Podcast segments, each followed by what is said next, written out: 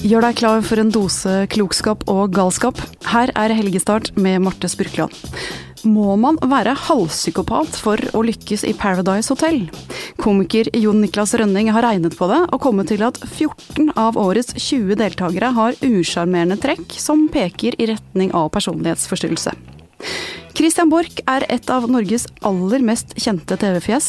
Nå er utenriksjournalisten, Dagsrevy-ankeret og stjerneprogramlederen blitt pensjonist, og har dermed tid til å snakke om livet sjæl i helgestart. Og 1,4 millioner mennesker har kjøpt den skotske illustratøren Johanna Basfords fargeleggingsbok for voksne. Er fargelegging den nye avslappingsterapien? Det skal mentaltrener Cecilie Ystnes få svar på. Men vi starter med galskapen. Det har vært en del snakk om reality-serier denne uka, og Jon Niklas Rønning, du trøkker til i spalten din i VG Helg på lørdag og sier at en lett personlighetsforstyrrelse, det er veien til suksess i Paradise Hotel-realityen over alle realityer. Eh, hva bygger du den påstanden på?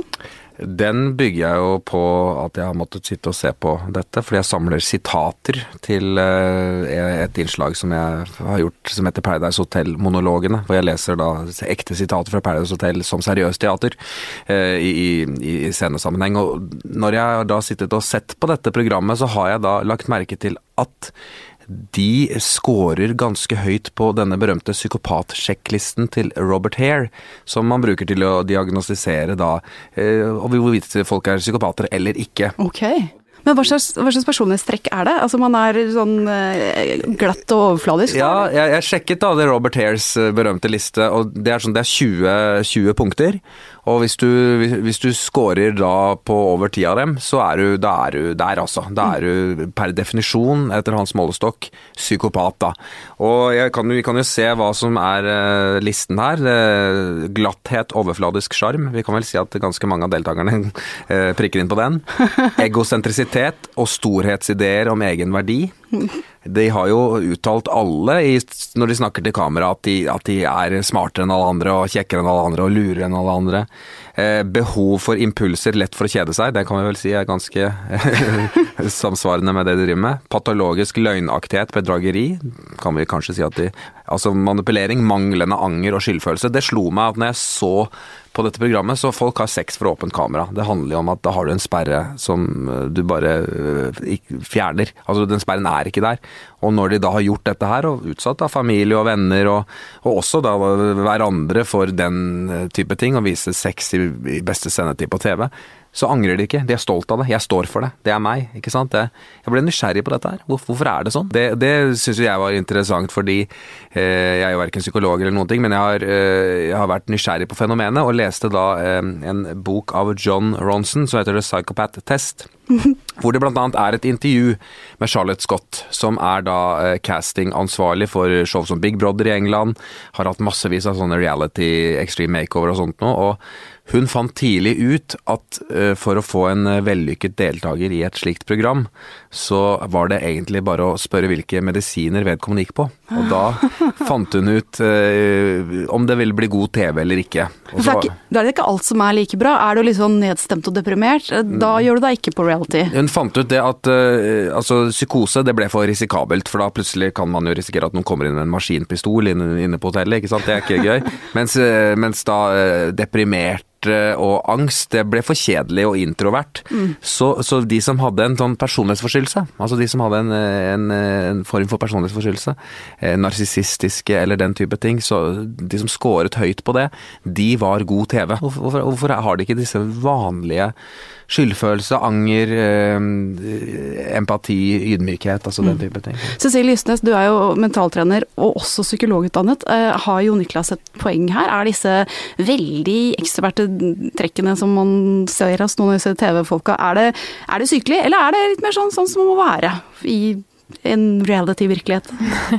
Jeg syns det er veldig utfordrende å, å, svare riktig på det. Jeg har ikke sett Paradise Hotel selv. Men eh, trekkene du viser til, det er jo psykopattrekk. Men jeg ville vært veldig eh, forsiktig med å si at eh, deltakerne her har de trekkene, for de er jo satt i en veldig spesiell kontekst. Og er jo i en form for boble. Så den angeren, den manglende empatien, får man kanskje ikke sett på TV. Det er ganske mange faktorer her der som man kanskje ikke får, eh, får eh, vi som seere får se. Kan det være at angeren kommer når TV-lysene slukker? Ja, jeg vil jo tro det. Jeg håper jo nesten det, at kanskje man vil kjenne mer på det i etterkant, denne eksponeringen. Eh, jeg tror ikke at i stor grad av de deltakerne der kjenner på hvilke konsekvenser det kan komme som følge av det, når de er der. Og det er jo det vi vet skaper veldig hva skal jeg si, stress og angst. Det kan jo være det at man blir eksponert, og det at man kjenner på at man har noe å tape. Og det kan ikke virke som om de kanskje kjenner på det når de er der. Og det er jo interessant å se om de kanskje heller får disse andre trekkene mm. i etterkant, da. Ja. ja. Kristian Borch, du er jo Jeg vet ikke hvor mye du ser på Paradise Hotel? Svært lite. Svært lite. Men du har jo tonn av erfaring fra den mer sånn seriøse delen av TV-bransjen. Eh, det fins vel noen TV-personligheter der også, som har fått litt ekstra av storhetsideer og, og trang til å vise seg fram? Det, en, det, har vært en del mennesker som har vært helt ødelagt av den virkningen de har hatt på samfunnet rundt seg, og den speilingen de da umiddelbart får når de går ut. Det var jo særlig fjernsynets tidlige tidsalder, så, så var det jo en del personligheter som fikk altså en gudestatus. De ble opphøyt et eller annet helt vanvittig, og den speilingen fikk de tilbake fra samfunnet rundt seg. Og det var en del av de som gikk i stykker. Altså, Jeg skal ikke nevne navn, men det var faktisk ganske mange av dem altså, som rett og slett ikke eh, greide å definere et realistisk bilde av seg selv. Men jeg bare tenker på det, altså det vi hører nå om Paradise Hotel høres jo ut som et ekstremt kynisk utslag av vår tid, for å si det sånn. Altså Vi har siden 1980 omtrent levet i en verden hvor den, altså den, hedonistiske egoisme, på en måte, eller egosentrisitet, har vært fremhevet som et ideal. Vi har hatt en kynisk reklameindustri som har altså pumpet visjoner om at det eneste som er viktig i livet, er å ta for seg av alle nytelsesmidlene og tenke på seg selv. Og jeg har sett På mitt gamle universitet i London så er det nå laget en stor analyse av den generasjonen som skal overta, som er veldig preget av at store deler av den er oppdratt til narsissisme. Mm. Altså Bildene av verdier er blitt borte, på en måte, til fordel for disse her egosentriske nytelseselementene. Og de som driver den castingen på det basis som, som Niklas sier her, altså det, er jo, det er jo en kynisme som er helt rå. Det er jo helt innlysende at du spiller opp til dette, og det har en hensikt. Én en eneste hensikt, og det er å fremme salg. For dette, dette her, altså, Jo flere seere på dette her eh, merkelige greiene, jo mer får du solgt annonser for forbrukervarer. Og særlig forbrukervarer for unge mennesker. Betakaroten, ikke sant? Jo, jo. Ting, Men altså, ikke sant? Altså, unge mennesker er jo reklamens idealgreier, for de har ikke motforestillinger. Men går det an å føle heller enn å føle, føle seg provosert og irritert over det som skjer på Paradise, kunne man følt litt sånn omsorg og meding? Altså, man kan jo se på disse kidsa 'Å nei, nå nappet jeg løken til Mats på TV', sånn som du skriver i spalten din.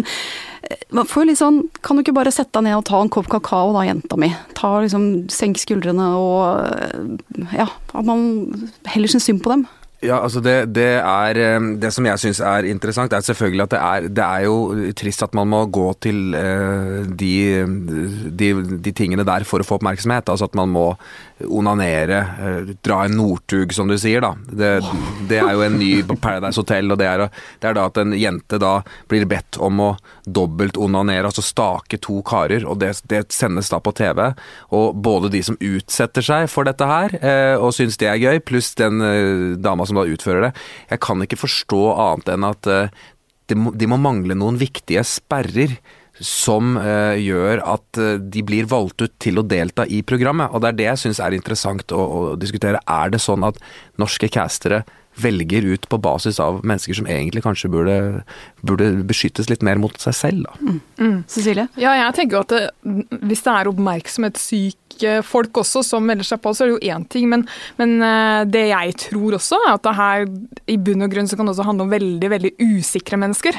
Som har et veldig sterkt behov for å få bekreftelse, og går til ekstreme situasjoner da, for å få det. Og det syns jeg er litt mer skummelt. fordi kommer du inn i en sånn setting med en intensjon om å vil ha oppmerksomhet, så du er mer rusta til også å kunne takle det i etterkant. Eh, men går du inn med en intensjon om at her vil jeg ha bekreftelse på min egen selvbilde eller selvtillit, da lever du ganske farlig i etterkant.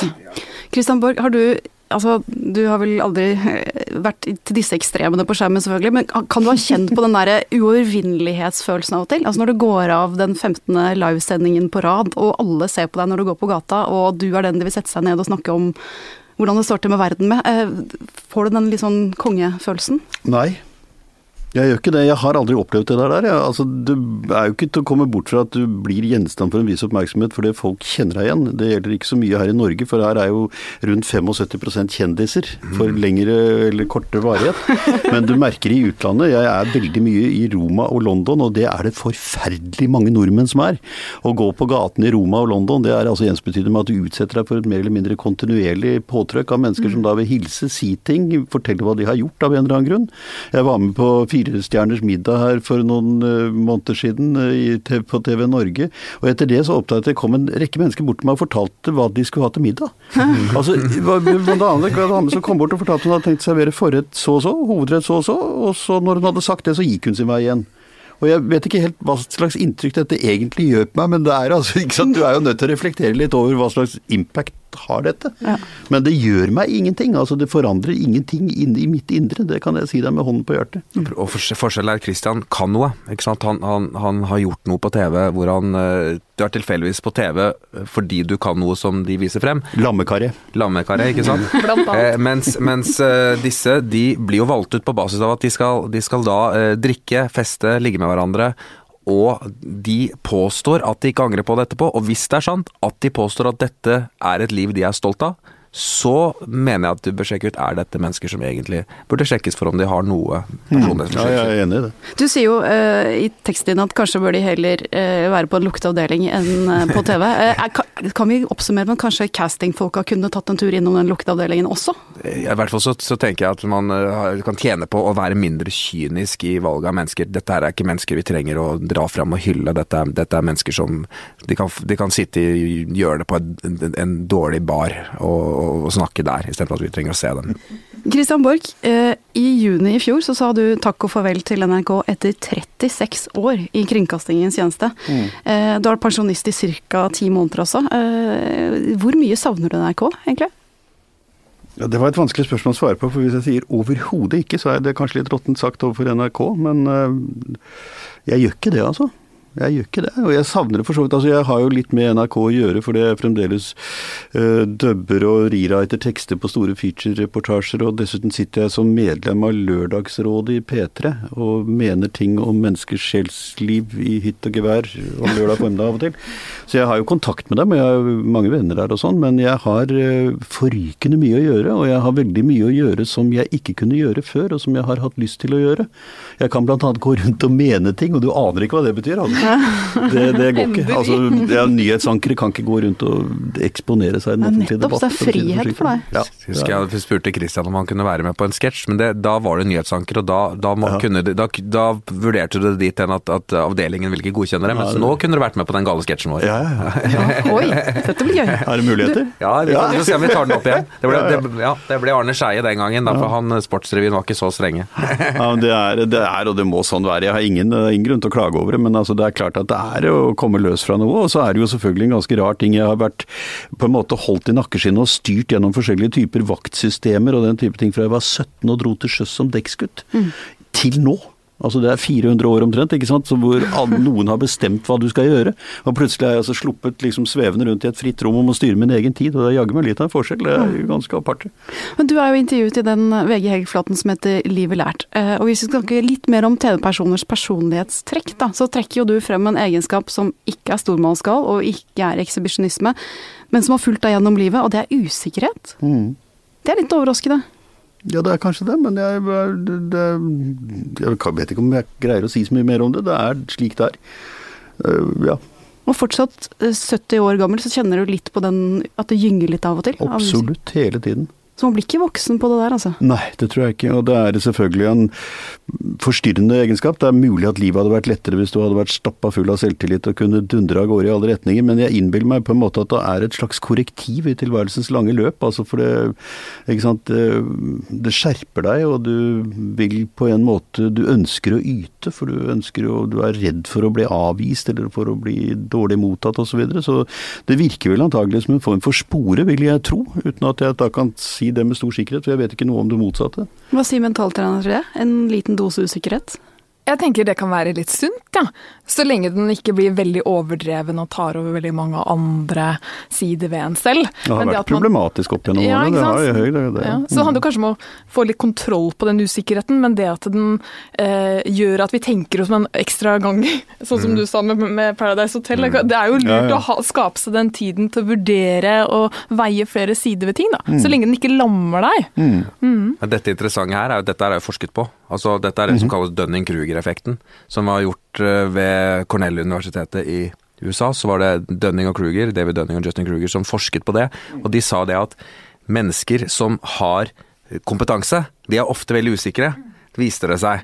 Mens mennesker som har lav kunnskap om noe, de er ofte mer skråsikre. Sånn at, sånn at det er en Jo mindre du kan, jo mer skråsikker er du på at du er flink. Og jo høyere selvtillit har du, og jo mer dyktig du er, jo lavere selvtillit har du på yrket ditt. Yes. Okay. Og det, så det samsvarer jo det at mennesker som ofte er flinke David Bowie snakker om lav selvtillit, mens jeg er ganske sikker på at en del danseband er, de er veldig sikre på at de lager flott musikk. Så, ikke sant? så det er en sånn, det er sånn dobbelthet der, så det, det er det som kalles Dunning-Kruger-effekten, faktisk. Men du eh, snakker også om kvinnen som du omtaler som ditt livs bærebjelke. Det er veldig fint å si om noen. Altså, din første kone som du mistet ganske tidlig, Mm. da hun var 41 år gammel. Mm. Det var kreft, det. Det var kreft, ja. ja. Det var det. Det var en uh, relativt hurtigarbeidende kreft også. Jo, bærebjelke, jo, ja, altså, jo, det var jo det. For vi var altså kjærester fra vi var 16 år gamle, og vi formet vårt syn på livet i fellesskap på en måte. Vi kunne løsrive oss fra omstendigheter og fra konvensjonelle forestillinger fordi vi utviklet på sett og vis vår egen etikk. Som jeg tror er, har vært ganske bærekraftig tatt i betraktning at jeg ser den reflektert helt klart i mine barn. Som er to trygge, ikke selvbevisste, men to trygge personligheter, på en måte. Og derav ordet bærebjelke, tror jeg. Mm. Men det, når hun da forsvant, og du ble sittende igjen med disse to barna som 13 og 15 år, var det det de var? Og Hvordan, hvordan klarer man å plukke seg selv opp igjen etter et sånt slag, og gå videre, vise ansiktet på skjermen og holde, holde hjulene i gang? Ja, altså, sant? Når noe sånt skjer, så er det klart at det er jo en, en sjokkartet opplevelse og en dyp tragedie, og den oppleves jo som noe som du er helt uforberedt på. Selv om Ragnhild var syk lenge, så visste vi jo hva som skulle skje rent teoretisk, men du hadde ingen forestilling om hva som faktisk skjedde da det skjedde. Ikke sant? Da detter altså gulvet ut av rommet du befinner deg i, og veggene raser sammen, og taket detter ned, og du har altså ikke noe sted å holde deg til. Men det er klart at i den menneskelige organisme og i den menneskelige kultur og i samfunnet rundt oss på en måte, så ligger det jo hele tiden impulser. Altså ingenting er statisk. Så det er jo et spørsmål om å kunne ta inn over seg de impulsene som kommer utenfra, og bearbeide dem, gjøre dem til en del av seg selv og utvikle seg videre. Og det var jo også en del av bærebjelkeeffekten, for dette er jeg helt sikker på at hun ville villet. Så jeg tror ikke det er på en måte det er, det er vel altså det der med å, å altså prinsipielt ikke forestille seg selv som et statisk fenomen. Altså det er man ikke. Man utvikler seg hele tiden. Jeg så jo på um, det siste svaret ditt i dette intervjuet, hvor du blir spurt om hva skulle du gjort om igjen hvis du skulle levd en gang til. Og da svarer du rett og slett ingenting. Nei, jeg tror ikke. Så du er altså et av disse menneskene som kommer til å ligge på dødsleiet og tenke jeg skulle ikke jobbet mindre, jeg skulle ikke elsket mer. Jeg hadde ikke trengt å være så mye snillere mot barna mine heller, for det, det fiksa jeg i livet som det var.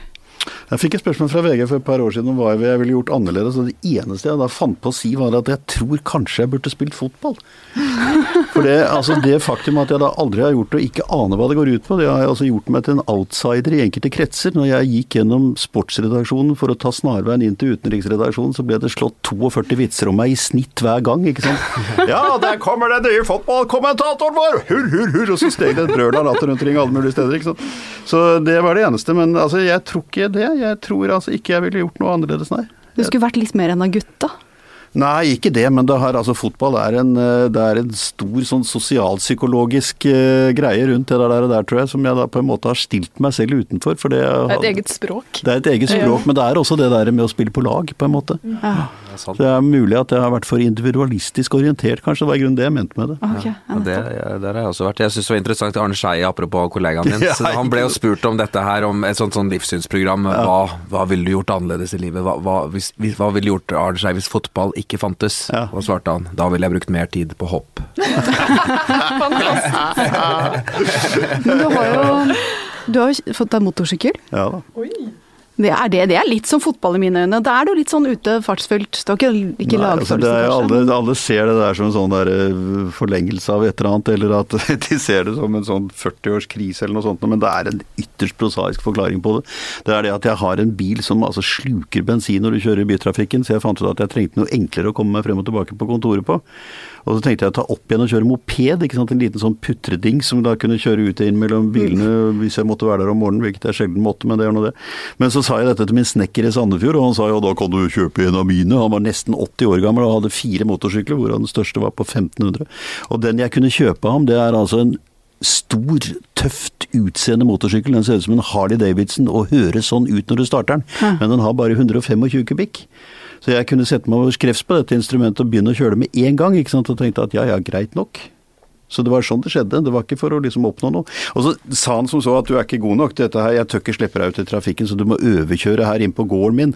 Så jeg kjørte da i ukevis åttetall mellom hønsehuset, utedassen og greier. Ikke sant, på sånn der dirt road med, med katter i veien og sånt noe rart. Men så hadde han altså fått et skilt hvor det sto Route 69, som er hovedveien mellom Las Vegas og Chicago, og det ga liksom et visst løft da, på denne treningskjøringen. Men det er en eh, putresykkel, og jeg har stor glede av den for så vidt, men det er ikke noe sånn kjempemessig. Særlig fort går den ikke, altså. Men du er trygg i trafikken. Jeg holder meg unna trafikken i noen grad hvis jeg kan. Ja. Ja. Du, Cecilie Ysnes, eh, det er nå vi skal senke skuldrene og spisse fargeblyantene. Eh, Vi skal snakke om den nye trenden fargelegging for voksne. Altså, Den skotske illustratøren Joanna Basford hun har laget en bok som heter Secret Garden, som har så langt solgt i over 1,4 millioner eksemplarer verden over. Eh, Og du og jeg kjenner hverandre litt fra før, så jeg vet at du kan mye om avslapping og viktigheten av det. Har du tro på fargeleggingstrenden som en form for avslappingsterapi? Ja, jeg har det, og hvis den er solgt så bra, så er det jo virkelig noe i det. Jeg tror i hvert fall veldig på det å flytte fokus ut fra det vi gjør eh, veldig ofte. Og det å ha en endring, eh, enten det er å strikke, eller om det er å fargelegge, eller om det er å kjøre motorsykkel, eller hva det er, så har vi godt av å flytte fokus fra det vi vanligvis gjør. Og det gjør at vi får litt andre ting å tenke på. Bare være, ikke dømmende eh, tenkning. Litt den mindfulness-tingen som jeg tror er lurt å gjøre innimellom. Ja.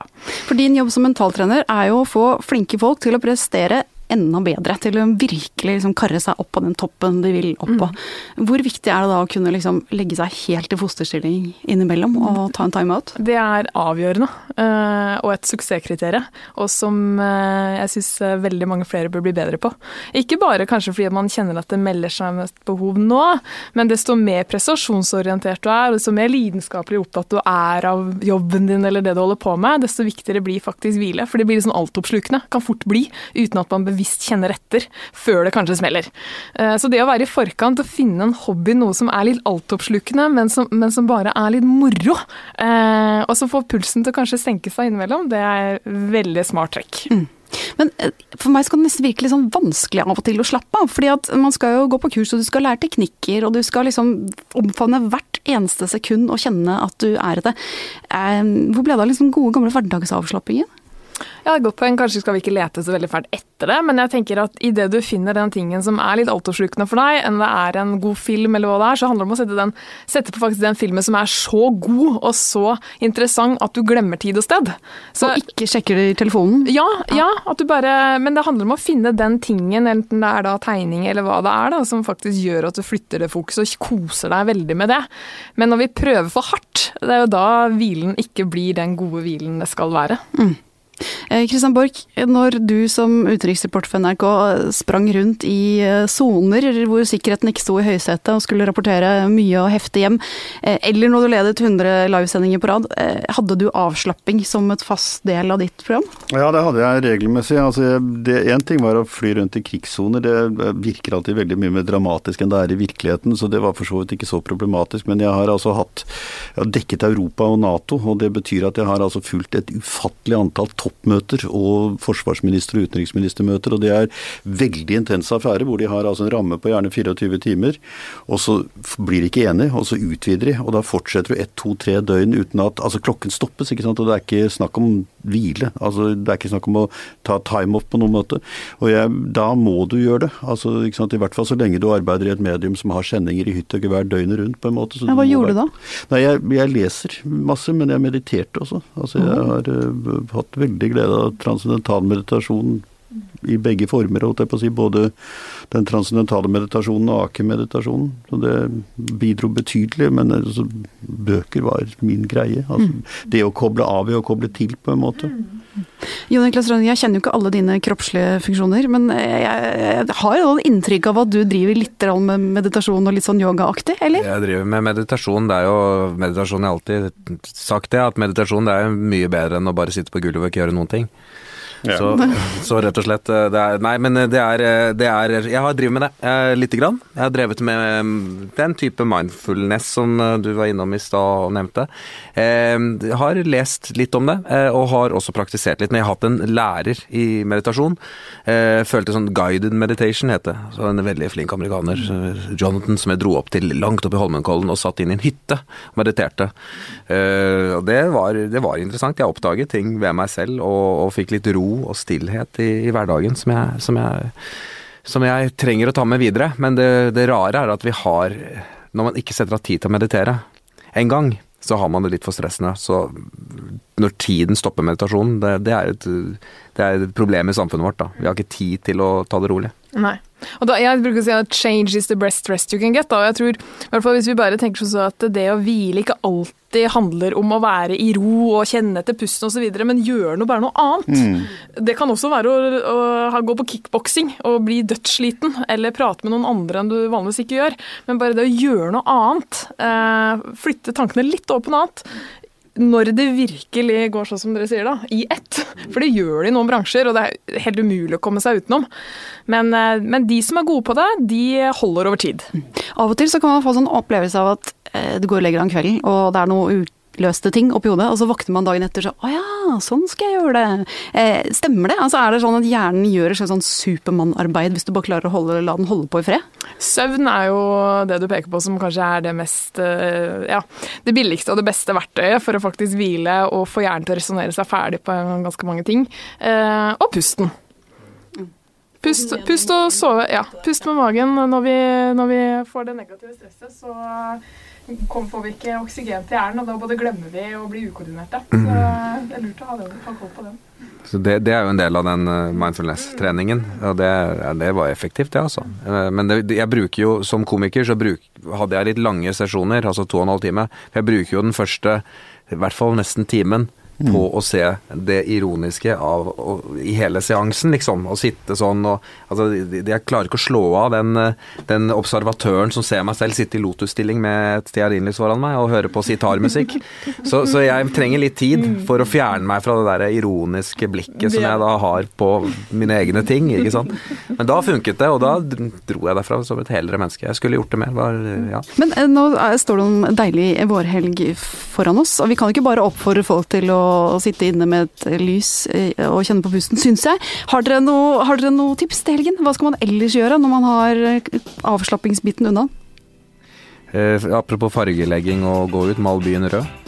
Malvin rød, ja. Den er fin. Cecilie? Nei, gjør noe som eh, fyller opp tanken, da. Og ikke sånn halvveis. Gjør noe du syns er skikkelig gøy, og ta den litt ut. Og kanskje være litt gæren. Men uh, sånn kontrollert uh, galskap, det kan kanskje være lurt. Nei, jeg ville foreslå at du går i skogen. Jeg opplever våren etter hvert som den kommer. Altså at du bruker forskjellige sanser. At du registrerer hva du ser. Fortell deg selv hva du ser. Fortell deg selv hva du lukter. Fortell deg selv hva du hører. Og fortell deg selv hva det gjør med deg. For stort sett vi lukter og lyder og den type ting gjenkalle erindringer av stemninger inni deg fra barnsben av osv. Du kan oppleve fantastiske ting med det. Altså. Åh, nå endte vi med en deilig liten madeleinekake på slutten. Det var veldig fint. Det, altså. det, det. det, du har hørt nå, har vært Helgestart. Eh, Magne Antonsen har produsert. Tusen takk til dere som har vært gjester. Vi høres igjen neste uke.